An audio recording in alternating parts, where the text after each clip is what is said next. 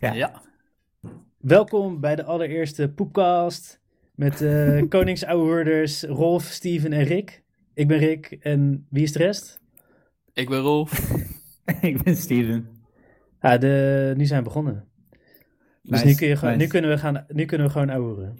Nu barst het los. Dit had je voorbereid. Dit, nou, ik had in mijn hoofd had ik, het, eh, had ik iets strakkers, maar ja, het is, het is nu paar wijntjes verder. Ik denk, ja, ik, Nee, ik, doe, niks. ik vond het prachtig hoor. Maar ik bedoel... Ik doe er eh, mee. nee, ik, ik bedoel niet, eh, dat, het niet dat het niet goed was. Ik vroeg me af of je het tot aan hier had voorbereid. Of ook nog verder.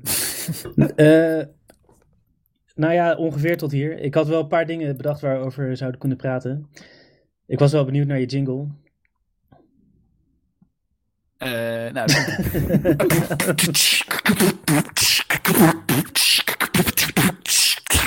Poepcast. Weet je waar? Nice. ik heb vandaag heb ik allemaal ZMK zitten terugluisteren. Daar lijkt het Ja. wel een beetje op. ja, ja. ZMK. We deden toen alsof die Stefan dat was. Maar eigenlijk was ik het eh, met mijn beatbox. Ja, precies, ja. Ja, het klinkt ongeveer hetzelfde. Zeker de kwaliteit als je de mp3'tjes nog hebt. Is gewoon, dus niet, het is niet, eh, niet veel beter. Maar ik ben nog steeds confused. Ben je nou wel of niet aan het opnemen, Rick? Jij bent aan het opnemen. Ja, Oh, je bent wel aan het opnemen. Ja, oké. We zijn Oké. nu op anderhalve minuut. Oké. Ik heb geen minimum bedacht. Het telt echt, Steven. Iedereen die afzeikt, Maar- die kan het ooit te horen. Ja, dat is waar. Ja. Dus je moet inderdaad, je moet al je nazisme moet je een klein beetje downen, downtunen. Oké. Oké. Eh, samen theorieën. Maar je had wat ideeën voor onderwerpen, Rick? Of niet? Eh, ja, maar je wilde het er niet over hebben net. Dat vond ik wel jammer. Ik dacht groepsimmuniteit. ik vond het echt een mooie discussie in de, in de appgroep. Nou, Want- we kunnen het er wel over hebben. Ja. Maar het gaat meer om de, om de, de intentie achter de, achter de groepsimmuniteit. Dus ik denk dat het eh, een moeilijk onderwerp wordt. Nou, vertel. Waarom is het moeilijk? Eh, Want, het, want waar het om gaat is, het RIVM die wil... Die, die probeert, of die hoopt dat als genoeg mensen in Nederland nee, ziek nee, worden, nee, dat we dan allemaal veilig Ja. zijn, toch? ja, ja, ja. dus dat- langzaamaan dat- iedereen een beetje ziek maken en dan daarna komt het goed. Dat is waar zij ik van denk- ja, ja, ik verdenk ze ervan dat ze stiekem allemaal dat geloven, maar het nu niet meer zeggen. Ja, ja. En waarom is dat niet oké? Eh, nou oké, dus, dus toen ze begonnen met deze maatregelen, toen, eh, toen hadden ze zo'n verhaal van groepsimmuniteit, was zo'n term die gebruikt werd.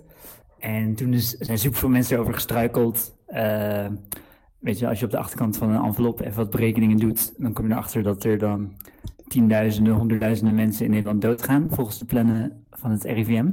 Dus toen zeiden ze, nee, nee, zo bedoelden we het niet. We hebben wel gezegd dat we dat bedoelden, maar zo bedoelden we het niet. Dat is niet het plan, maar de maatregelen die we hebben bedacht blijven eigenlijk hetzelfde. En dan sindsdien blijft het een beetje, een beetje onduidelijk, vind ik. Zeg maar, ze zeggen wel, nee, het is niet het doel, maar ze gaan niet all in op echt eh, ziekteverspreiding stoppen, heb ik het idee. Ja, ze zeggen, want het is niet het doel, maar het zou op zich wel fucking chill zijn Ja, als ja, we groepsimmuniteit chille- krijgen ja, door iedereen een beetje ziek te laten worden. Ja. En dan heb je die, die chick die ik vandaag voor het eerst heb ontdekt, die Anne Vossen. Anne Vossen, ja. Die, ja, die dan een beetje.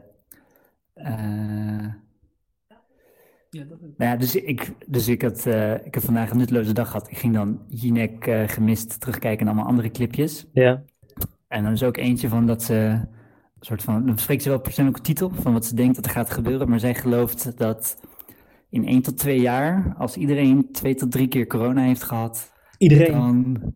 iedereen moet meer een paar keer krijgen. Ja, iedereen moet het een paar keer krijgen. Ja, En dan is gewoon alles, alles terug naar normaal. En zo is dat zo'n beetje glunderend eh Jinek, een soort positief verhaaltje. te Ben je na iedere keer dat je het hebt gehad immuner of zo? Ik snap het niet helemaal. Ja, ja, ja. Je, moet je, je moet het opbouwen. Dus, want het, eh, en dan, is het, eh, dan zijn we oké. Ja. nou ja, Dus- ik weet, dus ik weet wel, keer.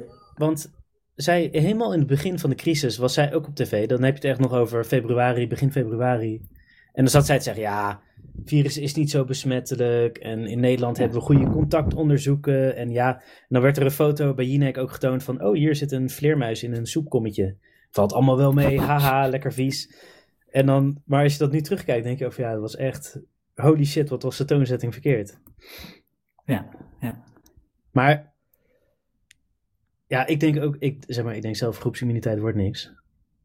Ja, ik snap dat hele concept niet helemaal. Want eh, als je, zeg maar, je hebt, ja, je hebt allerlei ziektes, eh, ook sommige waar we niet voor inenten. Zoals eh, waterpokken of zo. Is dat dan groepsimmuniteit? Dat iedereen het krijgt als je baby is? Nou, ik heb er, ik heb er vandaag naar zitten googelen van wat is groepsimmuniteit. En wat Steven heeft wel een punt wat, wat hij vanmiddag maakte, dat eigenlijk is groepsimmuniteit alleen maar een term die gebruikt wordt binnen de vaccinatie. Want als genoeg mensen gevaccineerd zijn, dan zijn andere mensen die niet gevaccineerd zijn ook beschermd. En bij mazelen is dat 95% of zo. En nu gaan we dat proberen te bereiken door gewoon iedereen lekker ziek te maken. Met ons goede zorgsysteem ervoor zorgen dat er niet heel veel mensen doodgaan of zo. Ja, precies. meer- Maar dat lijkt me dus niet Ja. praktisch om ze dat te geven met echt ziek worden. Want dan moet iedereen ziek zijn geworden. Ja. Voordat ze immuun zijn. Want het is inderdaad zo dat je maar, weet ik veel, 90, 95 procent van de mensen hoeft te vaccineren. En omdat er dan zoveel immuniteit is, kan de ziekte zich niet makkelijk verspreiden. Maar je kan toch niet 95 procent van de mensen ziek maken in de hoop dat de ziekte zich dan niet verspreidt. Dat werkt niet. En dan, als het al werkt, dan verspreidt de ziekte zich niet meer. En dan zijn weer niet genoeg mensen immuun. En dan verspreidt de ziekte zich weer wel. Dat kan toch niet? Deze mensen hebben natuurlijk Ja, op school geleerd van ja, gewoon 70% van de mensen moet immuun zijn. En hoe bereik je dat? Ja, door 70% van de mensen ziek te maken. Dus Maar ik denk, als je hier helemaal niks tegen zou doen, dan zouden 100.000 mensen doodgaan, inderdaad. Maar, eh, hoe heet het? Dan, eh, dan is het daarna misschien zoals waterpokken. Dat baby's het gewoon krijgen, dat ze niet zo last van hebben, dat het weer klaar is. En dan eh, ben je daarna immuun. Dat zou kunnen. Dus we moeten, we moeten gewoon één generatie lang... Ja, nee, de- het, het is niet mijn, eh, het is niet mijn voorstel. Maar, We eh, moeten gewoon dat, één eh, generatie uitroeien en dan zijn we allemaal oké. Dus één generatie lockdown en dan zijn er alleen maar baby's.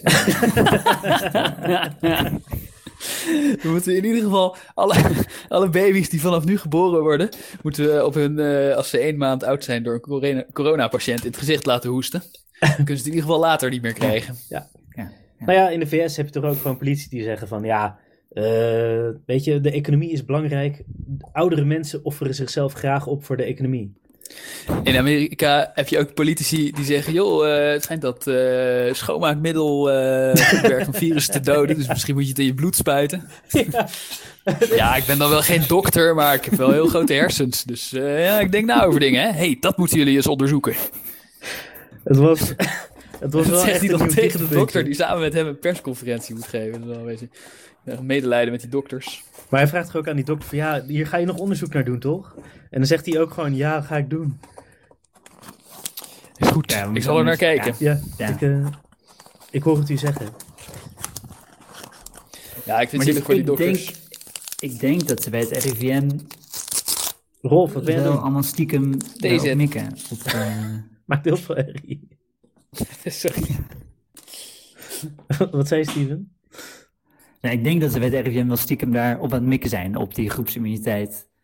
En de, zeg maar, ik hoor wel steeds de term van het moet een beetje rustig voortkabbelen in de maatschappij. Het moet een beetje eh, eh, rustig gaan. We vinden het een goed idee als kinderen rustig gaan, een beetje besmet. En dan besmet ze misschien hun ouders een beetje. Dat is allemaal oké, dat is niet zo erg.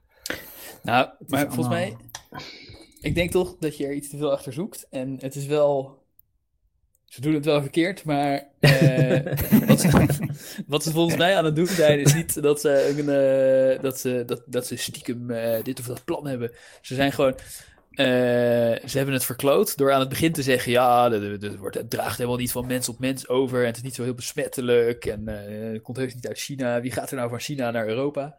En toen is gebleken dat ze het verkeerd hadden. En daar schamen ze zich een beetje voor.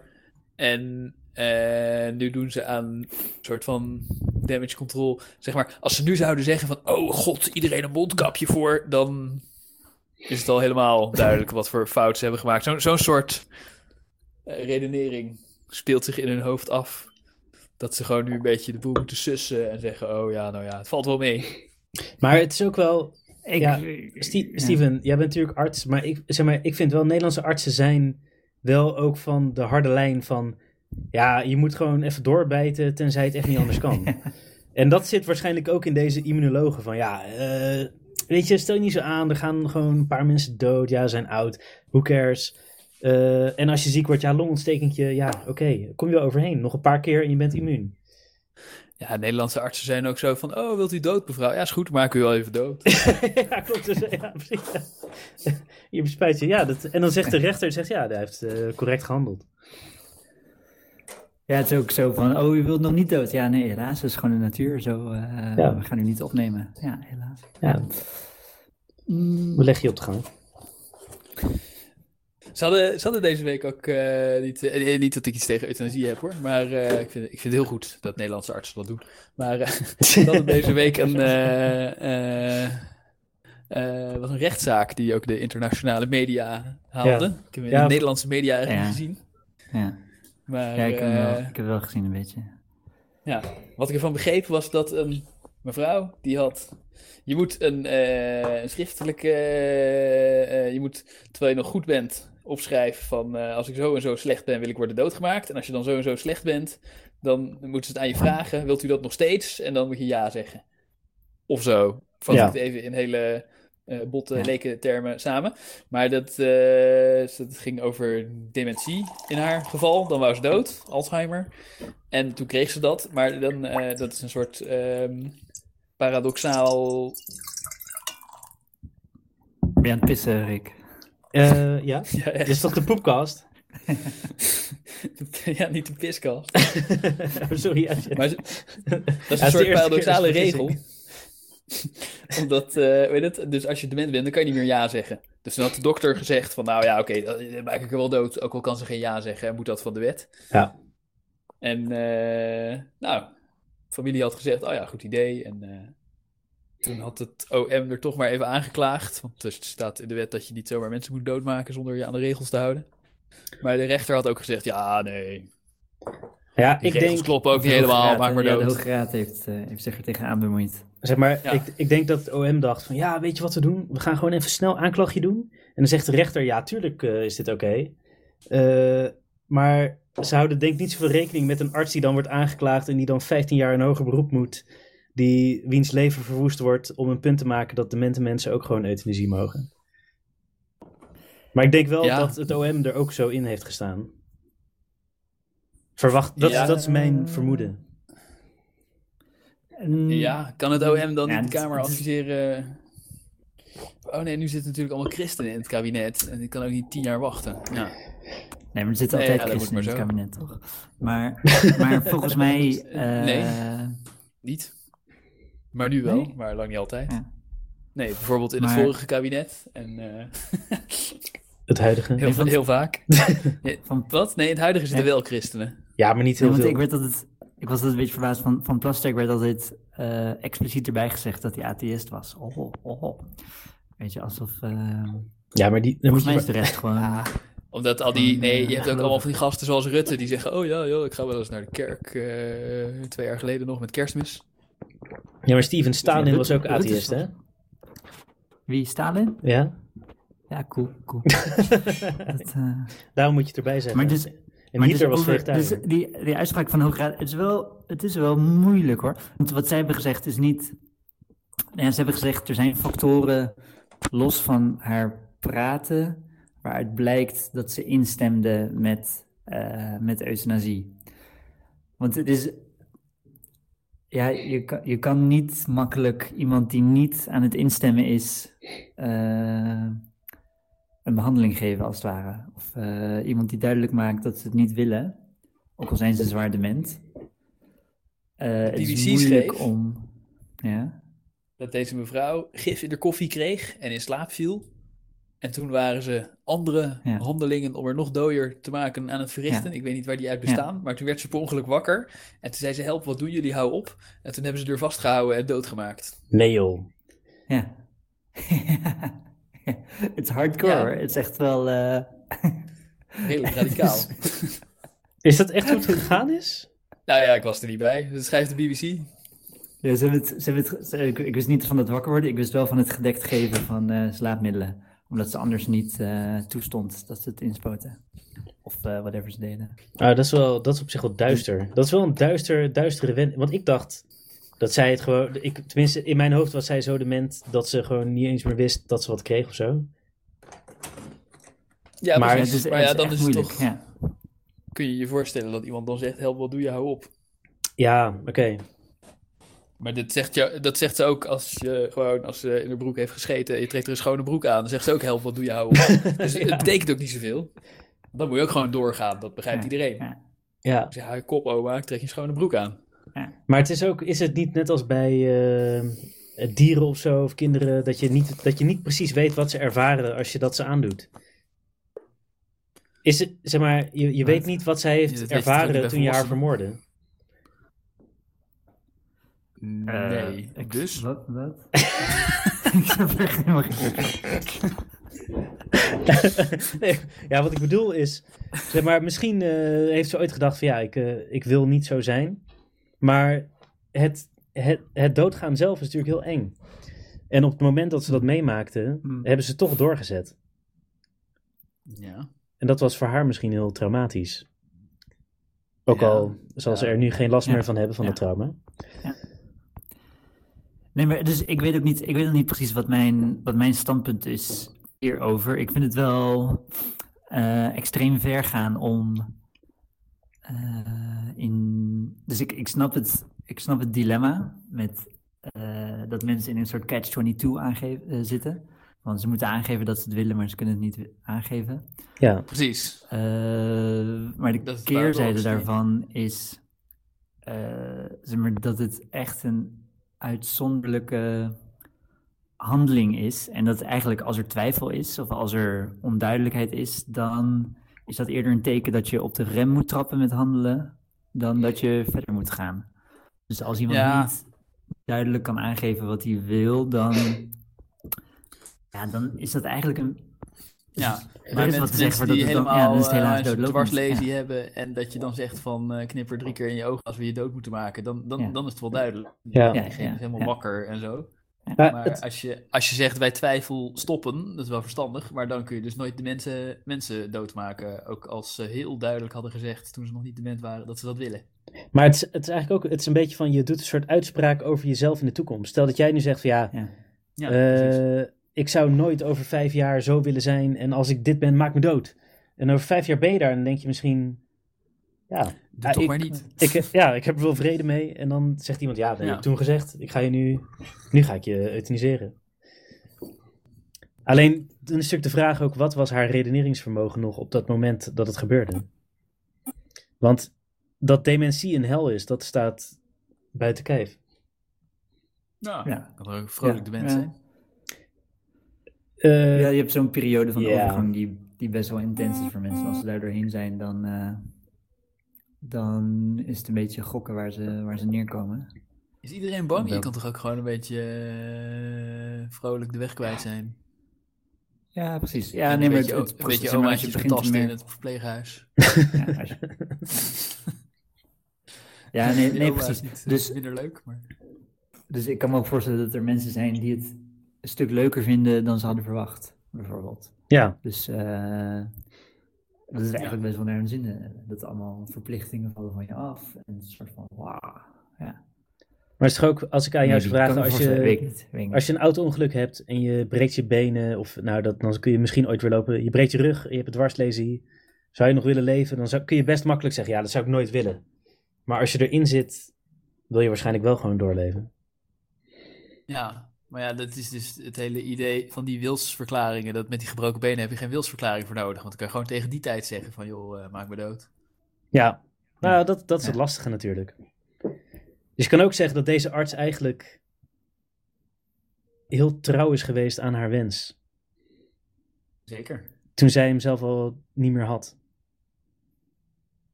Ja. Ja. Net als al die mensen die heel trouw zijn aan de Bijbel. Terwijl degene die het heeft geschreven er al lang niet meer is. ja, het precies hetzelfde. Dat is ook niet meer Ik weet- duidelijk wat hij bedoelde. Ja, nou ja, ik, zeg maar, Er ik staat ook al wat nonsens in, lijkt het. Maar mensen nemen het toch heel serieus. Dat is net zoiets. Ja, ja ik... eh, ja. Ik denk dat je deze uitspraak veel kracht hebt bijgezet, Rolf, nu. Wanneer? van de rechter. Ja, door het, door het Oh, vergelijken ja. met de uitspraak van de Bijbel. Ja, ik denk dat de Bijbelmensen er ook heel blij mee zullen zijn. dat ze net een soort fanatieke euthanasieartsen zijn. Hebben ze dat in, echt eh, gevraagd, is of hij atheïst was of niet? In de rechtszaak. ik denk Aan het wel. Aan de dokter. Ja, ik denk dat hij atheïst was. Ja, het was een vrouw. Nee, je hebt, ik, je maar- hebt eh, dus in sommige van die verpleeghuizen waar ik kom, die zijn christelijk ingesteld. En die hebben, eh, die hebben het moeilijk met euthanasie. Die, ehm, die snappen op zich wel dat het, eh, dat het een kwestie is die speelt. Maar die willen om geloofsredenen zich er absoluut niet aan branden. Dus die, ehm, die schakelen dan de levenseindklinieken in voor alle euthanasievragen. Eh, of tegenwoordig heet ze kenniscentrum, eh, kenniscentrum euthanasie. Ze heten niet meer levenseindkliniek, maar kenniscentrum euthanasie. Omdat ze te veel werden ingeschakeld door allemaal mensen die zich er niet aan wilden branden. Maar wat dat betekent is dat in, in van die christelijke verpleeghuizen, waar ze zelf eigenlijk een beetje tegen euthanasie zijn, dan schakelen ze dat centrum in. Dat betekent dat iedereen die erom vraagt, die krijgt gewoon euthanasie. Gewoon hoppa, gewoon gewoon helemaal... eh, Weet je, is goed joh, oké.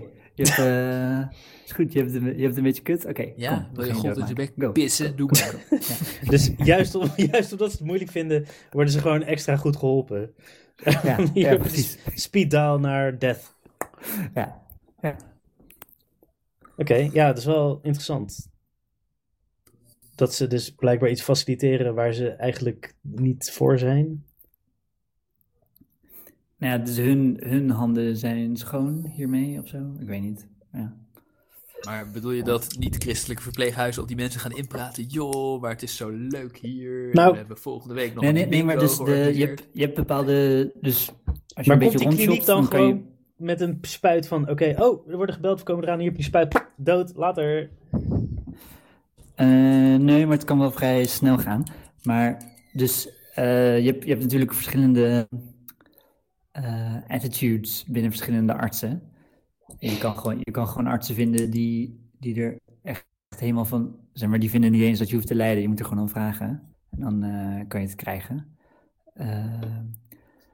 En zeg maar, wat je, wat je eigenlijk moet doen is bij iemand die erom vraagt, dus moet je echt ook psychologisch erin duiken. Is het misschien een depressie die onbehandeld is? Zijn er andere dingen? Zijn er dingen die we kunnen doen om het leven wel de moeite waard te maken? Dat is allemaal gewoon best wel vermoeiend.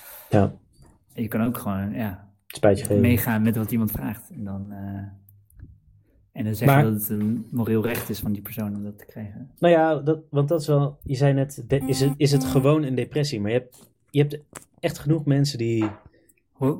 Heel erg lijden onder depressie. En die misschien gewoon... Ja, dat, die het leven niet meer hoeven. Hebben die dan niet het recht op euthanasie? Jawel, maar nadat is uitgezocht dat het niet te behandelen is. Dus bijvoorbeeld, je hebt heel veel, ehm, heel veel bejaarden voelen zich overbodig. Voelen zich een beetje schuldig tegenover hun familie dat ze, dat ze hen tot last zijn. Die vragen ook om euthanasie. Niet omdat ze zelf echt per se dood willen, maar meer omdat ze een beetje overbodig voelen. Een beetje een soort Japanse stijl van... Ja, Ik draag niet bij, dus een beetje de ijsschots in de, de- bij de Eskimo's. Zet mij op de ijsschots en eh duw me de zee in. ja. Ik draag is- economisch niks meer bij, dus, eh, Ja.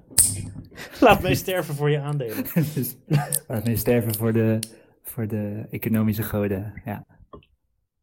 Tja, nou ja, ik, eh, ik durf het niet te zeggen, omdat dit, eh, Rick gaat dit allemaal publiceren. En kunnen mensen terugvinden in de archieven. Maar ik, maar ik denk er iets van. Ja, daar moet je wel over nadenken, Rolf. Alles wat je nu zegt is gewoon vereeuwigd. Ja. En, he- en heel veel mensen gaan dit horen. Ja, Nou, met het goede aan een podcast is dat het altijd een soort van verstopt zit. Dus je kan het niet makkelijk heel veel nonsens luisteren. verspreiden. Je moet echt, zeg maar, je kan niet, het, gaat, het, heeft, eh, het gaat niet makkelijk viral. Ja, iemand gaat een AI maken iemand kan een podcast te clipje uitknippen. Moet je horen, hier is eh, minister van Over. Ja, die je zegt moet een fucking clipje eh, eruit knippen, bejaarden niet een, nutteloos eh, voelen, moeten worden afgemaakt. Nou, daar is je soundbite. Wat je, wat je echt wilde zeggen kan niet erger zijn. Nou ja, ik, ik wilde zeggen, als iemand echt denkt dat hij dat zelf wil en er heeft verder ook niemand bezwaar tegen, ja. Nee, maar dan, oké, nee, maar Waarom dan moet je dan? het zelf regelen, vind ik. Dan moet je het, want het is best Dat wel, proberen ze. zeg maar, het is, ja, ja, nee, nee, maar je kan ook gewoon zelf allemaal shit online regelen. Zeg maar, ehm, als je graag wil dat vadertje overheid jou doodmaakt, wat een hele mooie service is die geboden wordt, maar aan die service zitten strenge voorwaarden om misbruik te voorkomen. Als je die strenge voorwaarden wil bijpassen, dan moet je gewoon zelf aan de slag gaan. Dat is echt niet super moeilijk om te vinden. En ik denk dat iedereen die dat een beetje rigoureus in is, die kan het wel vinden. Ja. Maar als je graag wil, als je graag van die service gebruik wil maken, dan strikte eisen. Wel Steven. En anders. www.steveneutaniseert.nl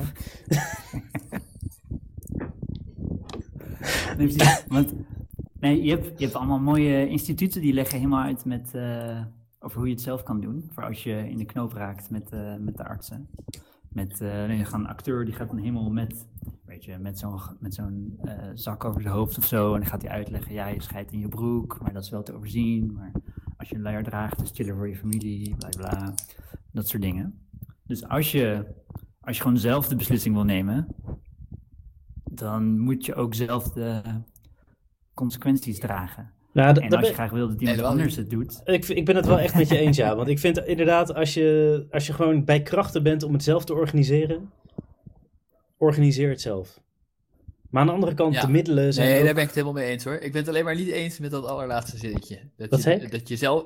Ik, ik ben het er ook mee eens dat je het dan lekker zelf moet doen. En alleen dat allerlaatste zinnetje, dat, eh, dat je zelf de gevolgen moet dragen van een geslaagde zelfmoordpoging. Dan, dat dat lijkt me moeilijk. dat is lastig, ja.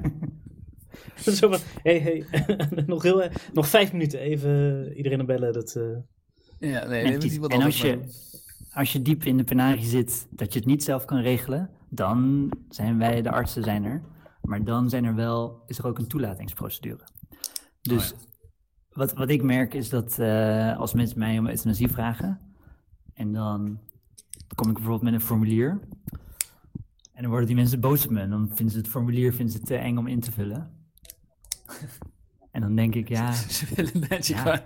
je, je dokters shotgun uit je windjas eh, Ja, gewoon, ik, ik heb, het, ik heb het toch gewoon gevraagd, dus hè, moet ik nu nog een formulier gaan invullen? Wat? Nou, dit is echt schandalig. Dit is echt schandalig. Ah, nee, ik ben, ik ben nou. wel voor een formulier invullen. ja, ik ook. Ja. Mag best een lang formulier zijn. Niet, niet alleen maar, oh, hoe heet je? Hoi. Ben je echt dood? Ja. Doe je nee. dood? Ja, nee.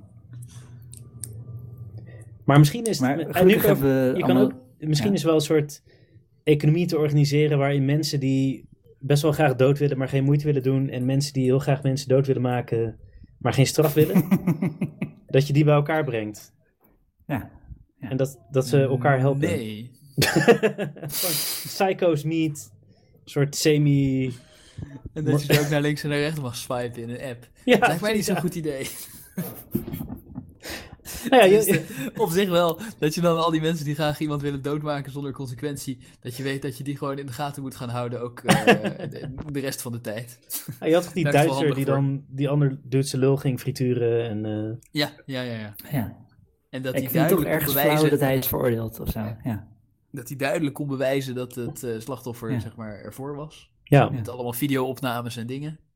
Heeft hij een zware straf gekregen? Of kreeg hij een soort van... hij kreeg een soort, eh, nee, hij kreeg een soort eh, TBS als het ware. Hij kreeg niet zo'n hele lange gevangenisstraf, maar wel eh, oneindige opsluiting. Ja, En dat leek mij een heel goed idee. Ja, maar het gaat even niet om wat goed idee is, Rolf. Het gaat erom wat, wie er gelijk had. Wie had er nou gelijk? De rechter of die dude die zei van ja, maar hij wilde het zelf. Eh, De rechter. nou ja. Ja. Ik weet, ik, ergens vind ik wel dat als zijn slachtoffer, ja, is zijn slachtoffer, als zijn mededader zelf geslacht wilde worden. Ik bedoel, die dude heeft wel zijn eigen penis ook meegegeten. Ja, ja, het was heel vaag, want, eh hoe heet het? Het is gewoon, het is gewoon illegaal, want eh, wat ze niet willen is dat, eh, zeg maar, psychopathische, eh, onderdrukkende man zijn vrouw overtuigt dat ze door hem vermoord wil worden, zodat hij weer met een ander kan trouwen of zo. Ja. Zeg maar je kan iemand overtuigen dat die zegt dat hij het wil, maar deze Duitse meneer, meneren, die kenden elkaar omdat het slachtoffer, zeg maar, op internet contactadvertenties aan het plaatsen was. Waarin hij zei, voordat ze elkaar ooit hadden contact gehad, zat hij advertenties op internet te zetten. Waarin hij zei: Ik zoek iemand die mij wil doodmaken en opeten. Ben of ken je zo iemand? Leg dan contact met mij. Zo was het begonnen. Dus daar, daar was echt, echt geen sprake ervan dat de dader het slachtoffer had overtuigd. Maar wat, wat hoopte hij, zeg maar, wat hoopte hij mee te maken? ja, leek me geil volgens mij. Ach, het zal je familie maar zijn. ja, maak me dood. Deze podcast moet je maar wegcensureren, Rick. We maken volgende week weer een nieuwe aflevering 1. Het gaat toch alleen maar over hele afschuwelijke dingen. Ja, gelukkig wel een luchtig onderwerp. eh. ja. ja. Daar zeggen we Ja. totaal niet controversiële dingen. Nou ja, we zijn van corona gewoon een beetje gestegen naar iets luchtigere dingen als eh, kan- cannibalisme.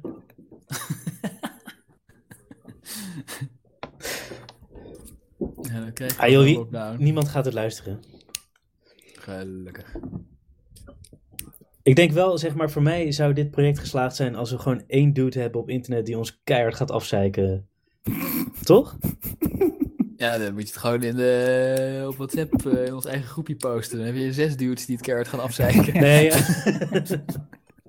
ja, maar dat is vals spelen, weet je wel. Dat is, want Die Dan vraag je alles af. Je wil dat Ja. iemand het tegenkomt en je afzeikt. Oh ja. Dat hij de moeite neemt om jou de- te vernederen. Nou ja, in, de, eh, in die podcast die ik luister zitten ze altijd te bedelen om iTunes reviews. Dat is een soort van... eh, dat is waar je het gezeik kan tegenkomen. Oké, Dus dat nou, fuck dat. Ik ben een, pop podcastpunker. Lieve luisteraars, schrijf alsjeblieft geen iTunes reviews. Fuck jullie. Hoe kom je op iTunes, Steven? Dat weet ik eigenlijk niet. Ja, dat weet ik niet. Dat weet ik niet. Moet je Apple goedgekeurd worden of het niet te ranzig is allemaal. Ja, precies, ja. En dan maar hopen dat of dat, Nederlands kan. Ik heb geen idee hoe je op iTunes komt.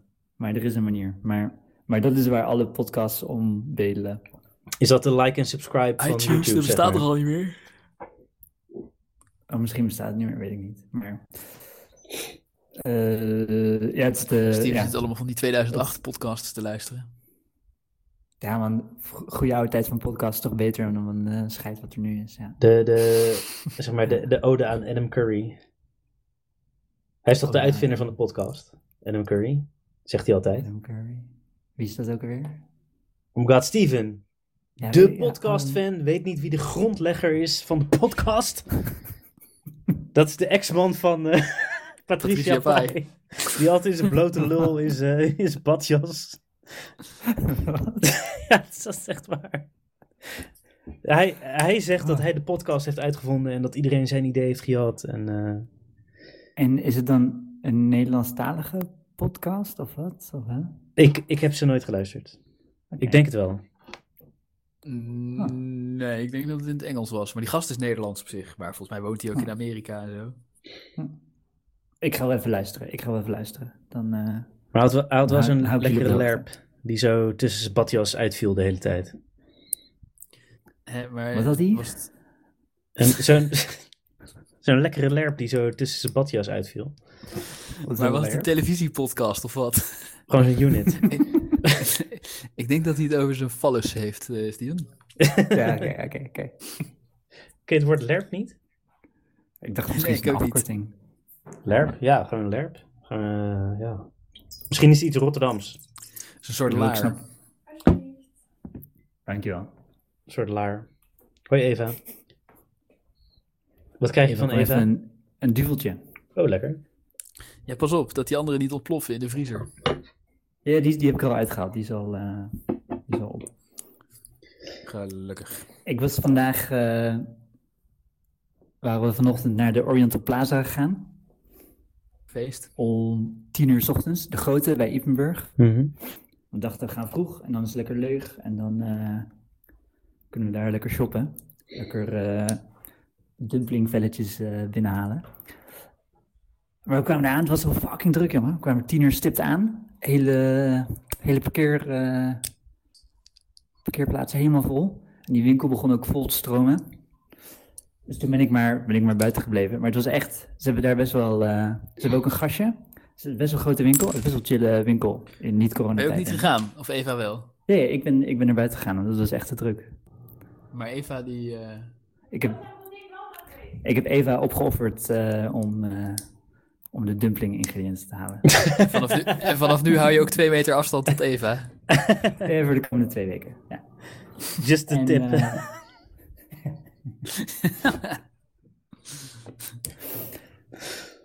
eh, maar het is daar een grote winkel en ze hebben daar ook een gastje eh, bij, de, bij de winkelwagentje staan eh, met een mondkapje op. En die rolt zo zijn winkelwagentje naar je toe. Dus hij staat zo, je komt zo door de schuifdeuren. Dan kijkt hij Ja, aan en dan is bij krijg je Albert zo'n, Heijn en eh, uh, dingen zo ook. Gamma. Ja, krijg je hem zo aangerold. En dan eh, een soort curling eh, idee. maar waar ik heen ga hiermee, dus Ja. naast het eh, Oriental Plaza Vroegen dit is ongeveer, ja, weet je, ik maak niet zoveel meer mee. eh, dus dit is ongeveer het spannendste wat ik heb meegemaakt. Ja, ik- jongen, ik zit op het Nou, puntje van mijn stoel. Hier komt dus... het. Come on. Maar het was echt, het was echt super mooi weer. Sommige dag ben ik bij gaan staan op de parkeerplaats. De parkeerplaats helemaal vol. Ik moest de hele tijd verplaatsen, omdat anders te veel mensen langs me liepen. En, eh, maar daarnaast, daar zit die gast van eh Strandbesten. Je hebt daar het heuveltje op. Oh. Snelweg. Ja. Dat is fucking vet, jongen. Dus ik, ik zat zo een beetje rond te kijken. Je ziet zo op het heuveltje zie je ineens allemaal van die lijken van de strandbeesten. Van die eh, PVC-buis eh, strandlopers. Ja, ja, ja. Dan heeft ze zo'n kerk en daar was de werkplaats. Dus toen zijn we even naar boven gelopen. Hij was daar bezig en eh, eh, hij was gewoon in zijn element. Ik, heb, ik wilde heel graag naar hem zwaaien, maar hij, hij keek me niet eens aan. Dus eh, ik heb hem gewoon met rust gelaten. Heb je weer En, een eh, fanboy. Ja, die strandbeesten zijn wel echt epic. Ja, ja, het is echt, het is echt nice beesten. En het is ook, dus ik heb wel, eh, er staan een stuk of tien of twaalf of zo van die oude dingen die wel duidelijk helemaal kapot zijn. Maar die staan daar gewoon op hun eh, laatste rustplek of zo. Maar waar, ver- waar verdient hij zijn dystopisch geld mee? science fiction robot wrakken kerkhof. Waar verdient hij zijn geld mee? De, eh, Subsidie? volgens- nee. Ik, ik denk dat hij niet heel veel geld nodig heeft. En ik weet niet precies. Nee, maar Hij een is- PVC-buis. En hij, volgens mij laat hij ze ook zien op plekken waar hij dik voor betaald Ja. krijgt. Ja, Ik hoop het voor hem. ja. Ik denk, want Ik weet wel Dus, eh, zeker. hij- Hij, die, die, die, dingen vliegen ook de wereld over. ja. En hij, heeft, hij is volgens mij natuurkundige of zo. Of, eh, hij, heeft Oh. iets, hij, heeft, hij heeft een serieuze studie gedaan. Nou ja, Dus het moet toen, het wel. eh, ja. Toch? Het is best wel, het is niet vanzelfsprekend dat je zoiets in elkaar kan zetten. Ja, ik weet niet of je dat bij natuurkunde leert, maar Dat lijkt me niet. Nee, hij is gewoon steeds groter is hij aan het oefenen, ja. denk ik. Hij, Maar- hij doet dit de hele tijd. Het zal vast helpen als je begrijpt hoe aerodynamica of zo werkt. Ja, natuurlijk. Hij heeft wel iets, iets technisch. Hij heeft een, een technische achtergrond in ieder geval. Hij heeft natuurkunde gestudeerd aan de Technische Hogeschool Delft, wat het ook mogen Ja. zijn. Maar Technische Hogeschool fucking- Delft. Wat? lang geleden. Niet aan de Unie?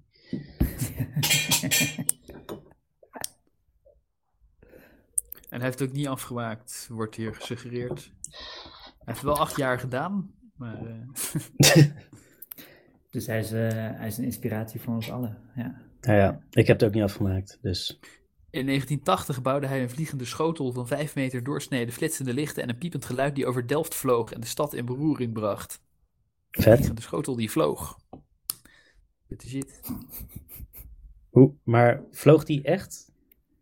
Dat staat in Wikipedia. Want dan, dan is het best wel knap, want dan is het gewoon een soort natuurkundig wonder dat hij daadwerkelijk een vliegende schotel heeft gebouwd die vloog. Misschien is hij eigenlijk een alien. Ja, Ik bedoel dus niet dat hij gewoon iets heeft afgevuurd. Of zo, afgeschoten. dat, hij heeft hem gegooid. Ik hoop Een dat hij niet een eh, ding van 5 meter diameter heeft afgevuurd over Delft. heen. Oh, ja. Het zal maar in je tuin crashen. Ja. Ik heb vandaag eh, met een opblaaskano in het Zuiderpark gevaren. Dat was ook leuk. ja? En wat? Nice. Een opblaaskano. Oh, Een chill. hele grote, waar we met het hele gezin in konden. Net als vroeger, eigenlijk. Dat we allemaal met een bootje naar het Zuiderpark gingen Op- en dan... eh, Ja, Nu het vaker zegt, een opblaaskano. Maar is die dan heel langwerpig en spits? Ja, inderdaad. Maar Jij niet weet een is, opblaasbootje. goed. Ja, een kano is ook een bootje. Ik begrijp de vraag niet. Zeg maar, oké. Zeg maar, dus Oké, een kano. Dan, dan zie je Ja, een een kano, kano ja. wat, ja, wat zo langwerpig spits. En er zit zo een gat in Ja. waar, je, eh, waar je in kan. En dan kan je Ja. één of twee personen. Ja. Van die kano's. Eh, maar als je met een heel gezin in een kano Nou, zo'n groot gezin heb ik niet. er zitten drie stoeltjes in deze opblaaskano. Oké. En kun je dan naast elkaar? En hij is inderdaad lang en spits. Wat? Nee, niet naast Ja. elkaar, achter elkaar. Oké, oké, oké. En is er niet een... Weet je, want met een kano is best een risico op omklappen. Zeg maar je, Eh, moet, je moet een beetje actief erbij blijven. Ja, ben je je kinderen aan, eh, in gevaar aan het brengen, Rolf? Nee, ze hadden een zwemvestje aan en zo, weet ik veel. Ja, nee, er is niemand in het water gevallen. Het leek mij niet zo erg gevaarlijk. Oké. Nee, ik heb nog nooit van een opblaaskano gehoord. Dus, eh, Ja, ik ken ze wel. Dat zijn, maar ik, ik vind ze er altijd een beetje raar uitzien. Ze zijn heel ribbelig. Ribbelig? Ribbelig. Zoals ik ze ken. Ribbelig. Oké, ik ga nu opblaaskano in Google Images typen. Ja, dan zie ik allemaal dingen zoals die waar ik in zat. Ze zien er niet zo rillig uit.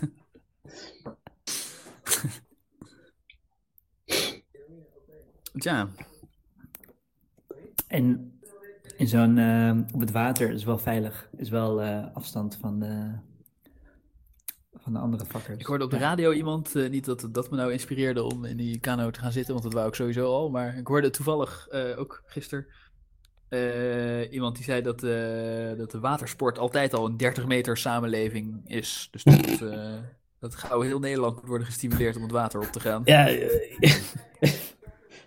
En inderdaad, je hoeft bij niemand in de buurt te komen. iedereen Ja. moet gewoon lekker gaan zeilen. Ja. Dus gewoon lekker, lekker 30 meter afstand uh, Koop samenleving. even lekker een bootje. even een bootje ideale zeilen. tijd.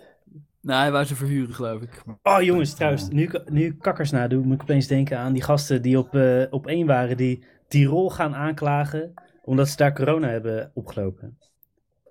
Heb je dat meegekregen? Wat? Nee. Een Amerikaanse staat, een echte staat, heeft toch ook het land China aangeklaagd? Oh ja. ja Echt? ja. Ja, volgens mij wel. Oh, dat wist ik niet. Een rechtszaak begonnen, ja, ik weet niet wat ze daar nou van verwachten. Maar... Ik vond dit al bizar genoeg, die paar Nederlanders die dachten, ja, eh, oh, we hebben corona in Tirol opgelopen, we gaan nu Oostenrijk aanklagen. ja. Ik vond het zo raar. Wat, wat willen ze nou bereiken? Ja, eh, ja, eh, ja je hebt gelijk, eh, corona, we hadden het moeten weten. Ja, maar ja, deze dudes waren duidelijk echt ga- ranzig Zij waren rijk. dat is- Ze waren al rijk. Hm. Dat zie je vaak bij rijke mensen. Dat, dat Hm. dan toch je meer geld willen. Ja, ze zeiden het was niet voor het geld, want zeg maar, een van hun vrienden was overleden. En die, eh, ze hadden de Oh. Erasmusbrug afgezet voor zijn begrafenis. Dus Oh. om een kleine indicatie te geven van hoeveel invloed die persoon gehad zou hebben. Wat, En ik- Maar was het de broer van de burgemeester? Of... Nou ja, dat zat ik me ook af te vragen. Ik dacht echt, wie zijn deze gasten? Want waarom zitten ze op televisie te vertellen dat ze iemand gaan aanklagen en hebben ze een begrafenis in Rotterdam waar ze de brug voor afsluiten?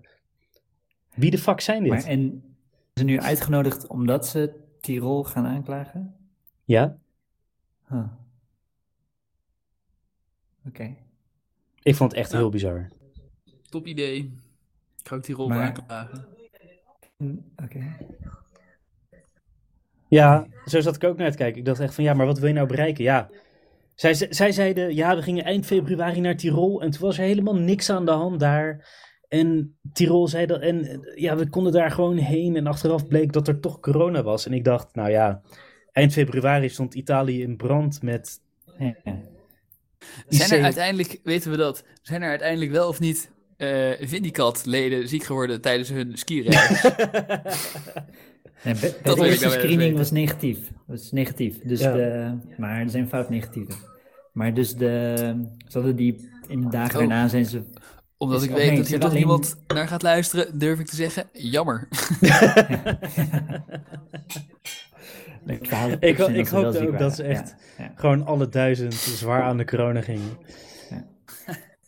Maar ja, het zijn twintigers en die hebben er niet zoveel last van. Ja. Maar de. Ik, ik, ik zag vandaag toevallig een clipje van. eh, eh, van de voorzitter van Vindicat of zo. Die dan eh, uitlegt dat ze toch maar een dag eerder met z'n allen naar huis gaan. En dan er expliciet ook bij zegt, niet omdat de eh, zegt dat het gevaarlijk is, maar omdat er wat onrustigheid en onrust in de groep is. En we hebben toch zo'n gevoel van samen uit, samen thuis. Dus ja, Nou ja, maar Rutte die de school... het, uiteindelijk was het wel zo dat het RIVM zei, ja, je kan daar gewoon nog naar een vakantie. Dat was, dat was gewoon feitelijk waar. ja, ja. Ja, ik geloof dat het reisadvies veranderde toen ze al vertrokken waren. Of zo'n soort eh, mooie spagaat zaten ze in. Eh, ja, dat klopt. Volgens mij was het inderdaad, gingen ze van eh, geen reisadvies naar een geel reisadvies. Wat is dat, negatief? Of... En dan heb je rood en dat is dat je echt niet moet gaan. Maar het was nog steeds een beetje mild van ja, oké, ja, je kan wel gaan, maar doe een beetje voorzichtig. Het was niet, zeg maar, het was ook de tijd dat RVM zei ja, carnaval kan gewoon. Ja. en ze hebben Vindicat aangeraden om een beetje voorzichtig te zijn tijdens de skireis. Niet Niet te dicht bij mensen komen. Ik heb toevallig vandaag ook toen ik, eh, eh, toen ik op eh, pathologisch aan het klikken was, kwam ik ook eh, ja, Van Dissel tegen die over carnaval aan het praten is.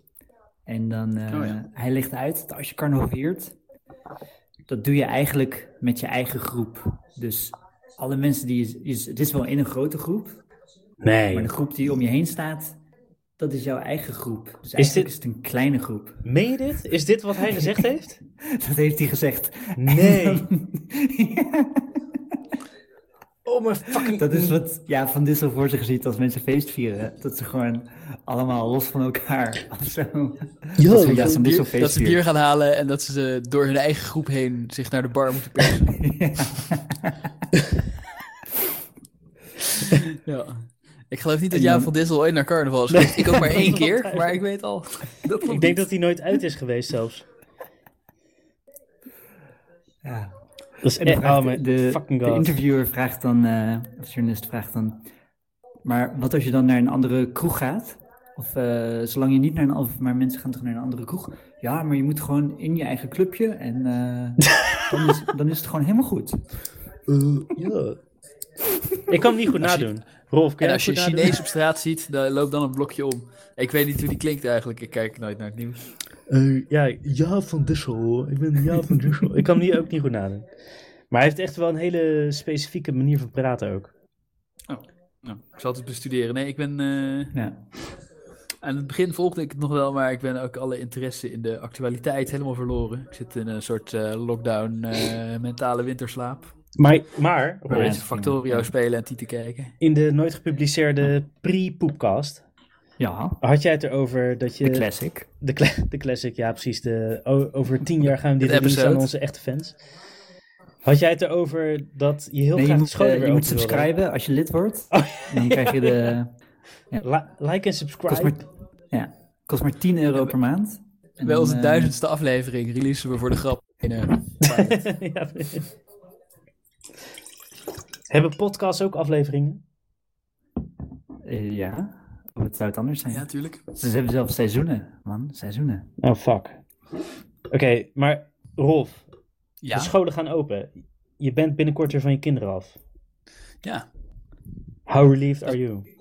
ja, daar ben ik wel tevreden over. Want nu is het ook, eh, weet het?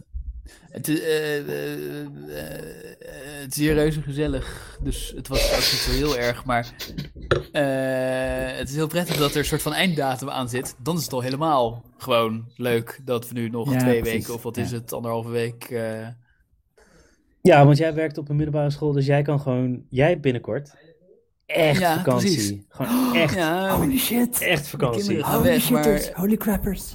Ja, je niet te werken. Ja, ja, dat is goed geregeld, hè? Jij zit op de Nice. ideale positie. Zo, Ja, ja. Ja, nou ja, Steve en ik hebben natuurlijk gewoon geen kinderen. Ja, wij hebben geen kinderen. en nog idealer. nog, nog ideaal. Laat dat, laat niet je pret drukken, Rolf. Laat dat niet je pret Jullie zitten al anderhalve maand in utopie, waar ik st- straks ook even drie weekjes in mag. Ja. Nou, ja, precies. Jij gaat nu meemaken wat wij altijd meemaken. Nou ja, op zich Oh werk my ik wel, God. weet je. Maar. Oh ja. Ja, ik, ik werk ook een beetje. Oh ja, dus. Op zich kom ik gewoon in corona brandhaarden en zo, maar oké. Nee, ik... eh, Ik nou, verkoop corona. eh, ik ga mijn fabriekje straks wel missen als de middelbare scholen weer open gaan. Ja. Ik begin net een beetje, eh, ik begin net een beetje skills te krijgen. Begin je net van je kinderen te houden, zei je dat nou? Nee, nee, nee. Ik zeg, ik ga mijn fabriekje missen, mijn Factorio-fabriek. Oh, je... eh, Daar heb ik straks geen tijd meer voor, ben ik bang. Ja, ja, Factorio, ja. Het is wel... Zeg maar, ik heb het, ik, ik heb het niet meer aangezet sinds mijn verslaving. Maar het is wel echt een van de heftigste gameverslavingen die ik ooit gehad heb. Ja, Het ik zit wel middenin. Maar ik denk, echt, ik denk dat ik nu wat...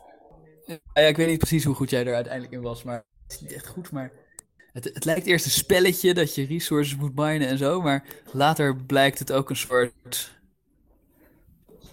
programmeertaal waarin je allerlei dingen kunt ontwerpen en bouwen. Ik weet niet zo goed hoe ik het moet uitleggen. Ja, het is echt een soort taal waar ik zelf ook pas een paar woorden van spreek. Dus dan, eh, eh, Wa- Wat ik nu bijvoorbeeld heb gemaakt, is je hebt dan je, je fabriek, zeg maar. En dan zijn er een paar mijnen ver weg, waar je je ijzer, je koper en je shit vandaan haalt. Je uranium en zo, ja toch? Ja? Rij je dan met een trein naar... Zover was Ja. het nog niet, maar spoiler alert. Oké. Spoiler alert. Dat, eh, Was je niet bij eh, treinen, Steven? spel. Ah, man. Nee. Nee, ik heb maar 11 uur gespeeld, hè? Oké, ja, Dus, dan, eh, dan snap ik dat je daar nog niet was. Oké, go on, go on. Sorry. Eh, en dan heb je dus treinen. En dan eh, in, die, in die mijn ver weg, eh, die eh moeten... eh, eh, dan is het handig om daar zo'n artilleriekanon neer te zetten. Want dan heb je goede range. Kan je lekker overal bombarderen. Als die kanonnen een beetje ver uit elkaar staan. Ja. Maar die, in die mijn kan je geen eh, kogels voor het kanon produceren. Dus je bouwt dat kanon in je hoofdbasis, brengt het naar de mijn toe, zet het neer, zet er een kist naast met 40 kogels. En dan, eh, ja, dan schiet hij 40 kogels. En dan moet je weer helemaal heen en weer met de trein om nieuwe te halen. Je kan ook niet de hele tijd eh, al die treinen, dat, die, die gaan dan van de mijn naar de basis vol, vol ijzer of wat het is. En dan eh, terug vol eh, kanonskogels. Dat kan ook niet, want er is niet genoeg targets om op te schieten. Dus dan is je hele systeem verstopt met kanonskogels. Ja. Dus wat ik heb gemaakt, is dat die mijn dan zelf nieuwe bestelt. Dus als de kanonskogels bijna op zijn, dan stuurt hij één blokje hout naar de hoofdbasis. En dan weten ze daar op het treinstation van, hé, er zit een blokje hout in die trein. We moeten er nu 40 kogels in zetten. En dan rijdt hij Ja? met 40 kogels weer terug. Een blokje hout wordt weggetiefd. En dan, als hij ze alle 40 heeft geschoten, dan stuurt hij weer een nieuw blokje hout. En je zet daar een kist neer met fjolder hout.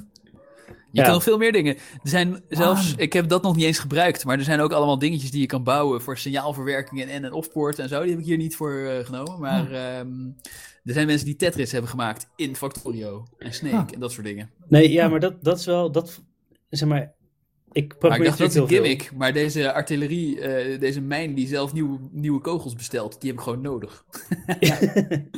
Nee, maar dat is wel, het, het is, ik snap wat je zegt, want het is inderdaad, het is een soort programmeren en ook de efficiëntie die je in je code aanbrengt. Van Ja. eh, hoe, ma- hoe stel ik de fabriek op, hoe doe ik dingen. Het, het lijkt wel op elkaar. Ik denk wel dat Ja. Factorio misschien niet de zeker. meest efficiënte programmeertaal is.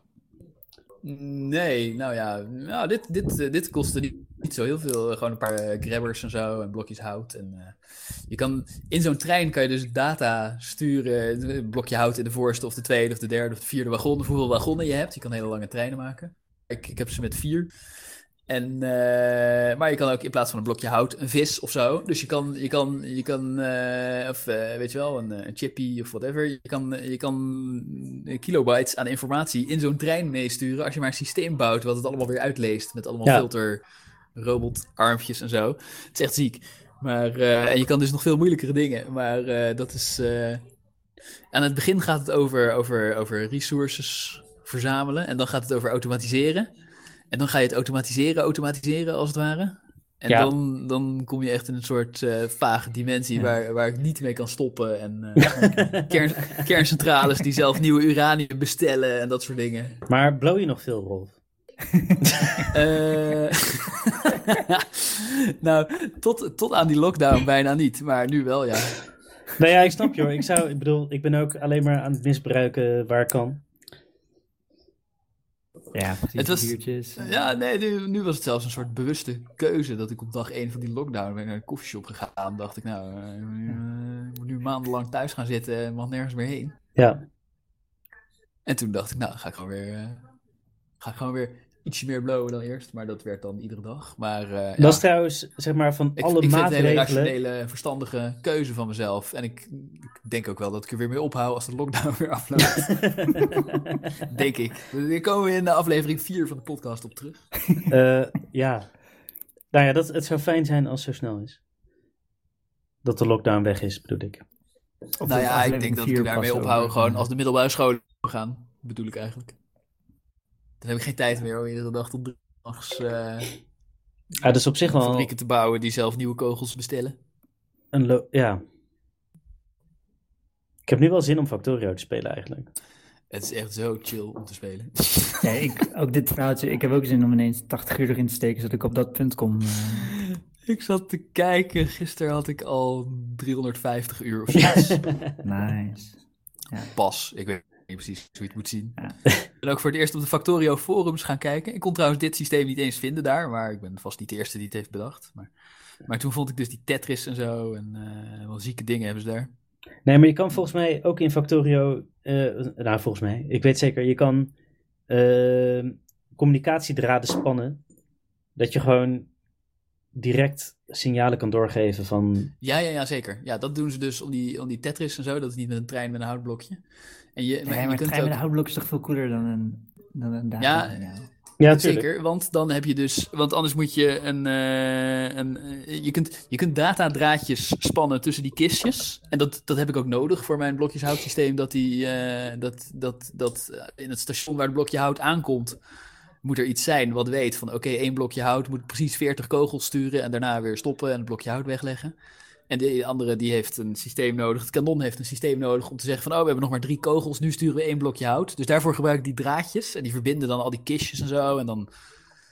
eh, maar, maar je wil niet helemaal zo'n draadje helemaal door de halve wereld eh, naar eh, je mijn toe spannen. En dat als zo'n beest dan één zo'n elektriciteitsmast halverwege doorknaagt... dat, dan, eh, dat, het, eh, dat hij geen nieuwe kogels meer bestelt. Ik had op een Dus gegeven moment... Een, Je bedoelt, dat, je bedoelt dat treintjes met hout zijn robuuster dan eh, data? Ja, ja, zeker. Ja. Ja. En als je Nou, treintje kapot dat is wel gaat... waar. Je treintje is veel robuuster. En als je treintje kapot gaat, dan merk je het ook meteen. Hè? Ja. Kan dat? Want ik had een soort treinrails die dan door een oceaan ging. Eh, en dat alle aliens die over die oceaan... Want je moest dan een padje trekken door de oceaan. En dat Ja. paadje, daar gingen al die aliens ook overheen lopen. Maar mijn trein overreed ze gewoon massaal.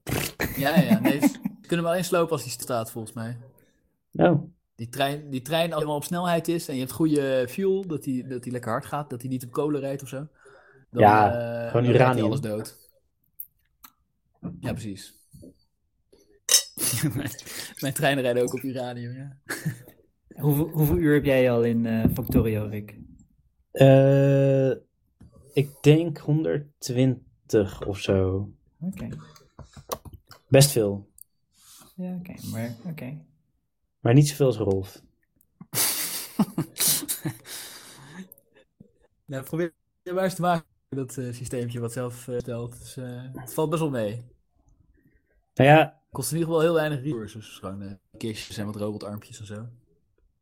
Zeg maar, het is wel, zeg maar, ja, eh, de saaiheid. Oh, 135, Steven. Ik heb het even gecheckt. Oké, oké. En ik? Kun je dat ook even checken? Eh, denk ik wel. Maar wat ik wel, zeg maar, ik ben nu natuurlijk alleen maar thuis en het is best wel saai, maar ik ben alleen maar aan het programmeren de hele tijd. En programmeren is ook een soort verslaving. Mhm. Ja. Dus ik, ik ben alleen maar nieuwe programmeerdingetjes aan het leren en er is geen einde aan wat je kan leren. Want je kan nooit alles leren. Ja. Maar het is wel doelloos. Want het interesseert niemand wat jij kan programmeren. Jullie reageren heel enthousiast op mijn eh, programmeerseltje. Ja, maar dat is Factorio, gast. Dat is vet. Het is niet, het is niet gewoon Nee, een of andere saaie programmeertaal.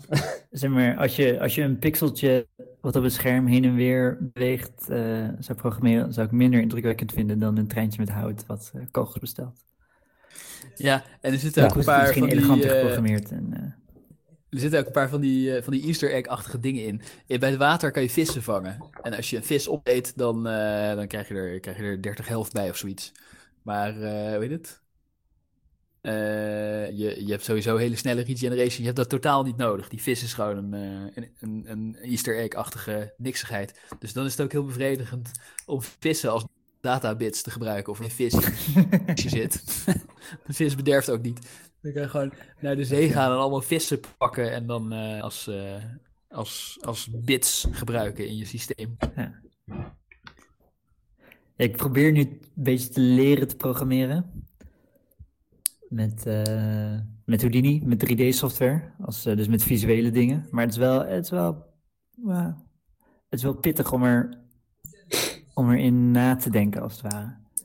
Dus ik kan wel die zeker, tutorials ja. kan ik wel volgen. Ja, dan, om dan zelf iets te creëren is wel...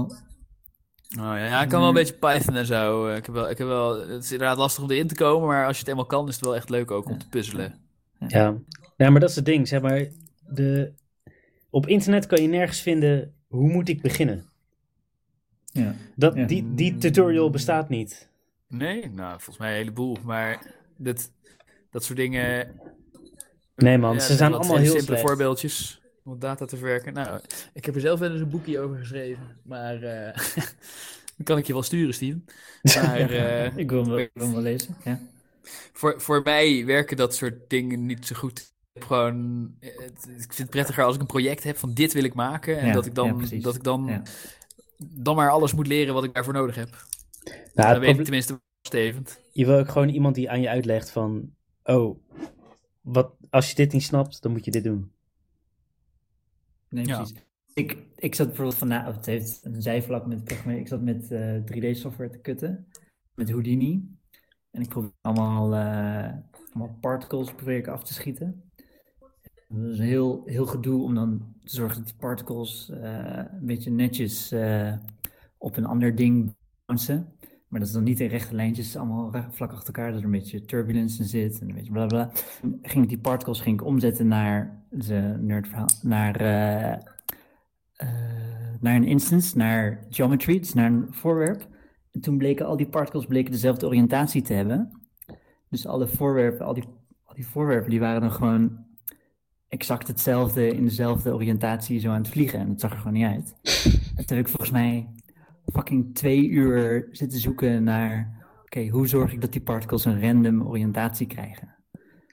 En dus gewoon, je zit gewoon je hoofd tegen een muur aan te botsen en... eh, Ja, maar Steven, random in programmeren is gewoon bijna... Het is de heilige graal, weet je wel?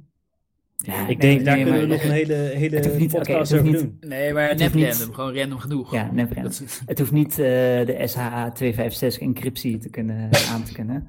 Het, eh, Dat is helemaal niet random. Particles. ik, wil gewoon, ik wil gewoon dat ze niet allemaal eh, met hun gezicht dezelfde kant op staan. Maar Ja. dat was, eh, ja. Nou, een blokje hout in een kistje doen en dan... eh, ja, ja. ja, een treintje. Misschien moet je het in Factorio gelukt. Programmeren. Misschien wel. Nou, ik zat wel te kijken, wou wel gaan proberen om Snake te maken. Lijkt me wel lachen. In Factoria. Je hebt van die lampen die je aan en uit kunt zetten. We hebben gewoon pixels. Oké, Dus Doom, Doom wel in Factorio. dat wil ik zien. Wat mijn eh, Snake-versie. Ja? Ja, zal Doom in Factorio wordt denk ik wel lastig. Maar eh, Tetri- Tetris in Factorio is al gedaan en dat is moeilijker dan Snake. Ja, maar ja, weet je. eh, ik, zou best, ik zou het best indrukwekkend vinden als jij Snake kan maken. Snake staat tot Tetris als Tetris tot Doom qua complexiteit, toch? Mm, nou. nee. Ik denk dat Tetris en Doom nog wel een groter verschil is. Doom is wel, eh, is wel even andere koek dan Snake en Tetris. Tetris dat heeft een effectieve resolutie van, eh, weet ik veel, van eh 12 bij eh 25 of zo. Oh, maar complexiteit heeft niks met resolutie te maken. Nee, maar ik bedoel, je hoeft dus ook. De totale data die je aan het verwerken bent is dus 12 keer 25 bits. Jongen, dat spel komt uit de Sovjet-Unie. Zeker. Dat is gewoon het beste wat ooit gemaakt is. Ik heb wel eens Snake gemaakt op zo'n eh zo'n zo'n kinderprogrammeerchippy wat wij gebruiken om de kinderen te leren programmeren. Met, eh, met zo'n met zo'n blokjestaal, dat je ze met je muis in elkaar moet klikken. En eh, ik wou eh, een soort van interessant doen tegen die kinderen. En een demonstratieding hebben dat het wel eh, met gekleurde blokjes in elkaar klikken is, maar dat het toch een echte programmeertaal is waar je echte dingen in kunt maken. Dat die wel complexiteit biedt. Dat die Turing compleet is, maar dat heb ik ze maar niet verteld. Maar. eh, eh, dus had ik Snake gemaakt eh, in, het, in de gekleurde blokjes kliktaal. Maar hij is wel te doen. Ik denk dat Tetris ook wel te doen is. Gekleurde blokjes eh, kliktaal. Hebben die ook chille API of niet? Eh, er zijn een heleboel verschillende gekleurde blokjes kliktalen. Ken je dit concept niet? Nee. Moet je, moet je maar eens zoeken op eh, Scratch. Dat is de beroemdste. Gekleurde blokjes kliktaal. Scratch. Scratch. En dan kun je gewoon blokjes klikken en dan heb je... ja, dat is een commando's. programmeertaal. eh, Van de Raspberry Pi of zo. nee, nee, nee. Gewoon op je, het is gewoon een, eh, een, eh, een site waar je het in elkaar klikt. Je kunt meteen beginnen. Ik vind op zich wel, want dat is eigenlijk wel met programmeren wat, wat- het is meer begrijpen hoe je dingen opzet dan dat je echt de code moet kunnen schrijven. En dat vind ik Precies, irritant. dus Scratch heeft die wel datastructuren met, met for loopjes en if loopjes en eh, dit en dat. En als dit dan dat en anders dat. En eh weet het? Eh, dat, je die, dat je die loopjes in elkaar kunt nesten en dat soort dingen. Wat ik dan als echt programmeren beschouw, zo'n beetje. Maar je hoeft niet je druk te maken over de puntkomma's en de krulhaakjes. Want die, het is zo intuïtief. Het zijn gekleurde blokjes die in elkaar zitten. Dus ook die nested loops zien eruit als gekleurde blokjes in gekleurde blokjes. Dus eh, dan, eh, dan, dan, dan sla je al dat gezeik met de ronde en de vierkant en de gekrulde haakjes over en eh, kan je meteen beginnen. Maar ja, het is wel beperkt natuurlijk. Ja, je hebt ook die game, 7 Billion Humans. Dat is ook een soort programmeergame. Dat is Daar van... heb ik geen tijd voor. ja, maar dat, dat lijkt echt heel erg op Scratch. ja. Nu ik het zo zie op Google. Gewoon eh, een beetje blokjes bij elkaar klikken. If en en dan if this, if that. ja. Geinig. Hey, maar eh, zullen we een einde aan onze podcast breien? Ja, nee, dan moeten we aan het Ja. einde moet je, moet je het gesprek zo eh, bijsturen dat je weer eh, Ja. terugkomt bij waar je over begon. Nee, je moet, je moet Eh, eindigen met de reviews, dat je reviews voorleest uit Oh, ja. iTunes. eh. Even kijken. Eh, ik heb hier een review van Rolf. En die zegt: poep in je hoofd. en Eh, nee, dat is ons chatkanaal, Rick. Steven zegt: suck it, bitch. Sturf. En ja, Sturf. Dus, nou, eh, lieve luisteraars eh, die er niet zijn, bedankt voor het luisteren. Laat een mooie review achter in de iTunes Store. ja, laat een mooie review Nee, doe het achter. niet, doe het niet. Like en subscribe, zak maar dik. Tot de volgende villa. Eh, Rolf, heb jij nog een paar uitsmijters? Ja, lijkt me, lijkt me heel leuk als je dan straks eh, de opname stopt. En dat we dan nog even tegen elkaar zeggen van zo, dat was kut hè. Zullen, zullen we Ja, dat doen? Dat vind ik een goeie. Dat Oké, ja, ik stop Ja, ja, ja. nu de opname. Nee, nee, nee, nee. Oh, ik moet Dat echt stoppen. zeggen- Of moet ik, moet ik niet echt stoppen? Ik snap niet wat je bedoelt. Jawel, straks. Straks. Eerst Ja, straks. nog Oké, ja, ik fantastische niet, uitsmijter. En dan daarna gaan we zeggen Oh, wat we echt Oh shit. dachten. Oké. Ja, Steven, ik, Ik vond jouw uitspraak over euthanasie echt aanmatigend. Aanmatigend. Ik ga even opzoeken wat dat betekent. Is dat nou positief of negatief? Negatief, negatief. Ik, ik was echt eh, zwaar Wat zei die dan? eh, dat je niet aan vadertje overheid kan vragen dat je zomaar jou doodmaakt omdat je dat wil. Ik vind dat wel. De staat zorgt voor jou. Rutte, ik hou van jou. Ik ben de opname gestopt, maar Rutte, ik hou van jou. ja, is hij gestopt? Oh, oké. Nou, eh... Ja, Rolf, hij is gestopt. nog De opname is gestopt. Ja, het is belangrijk voor mij om te weten. Ik voel me aantast in mijn privacy dat ik niet een, een groen en een rood lampje in mijn scherm Ja, precies, is gevaarlijk hè. Rick zegt wel dat hij gestopt is, maar wie weet. Maar weet je kan toch zien, tenminste, ik zie dat ik opneem in mijn chatvenster. Ah, daar heb ik allemaal niet op gelet. Nee. Maar ik, zal hem, ik ga hem nu stoppen.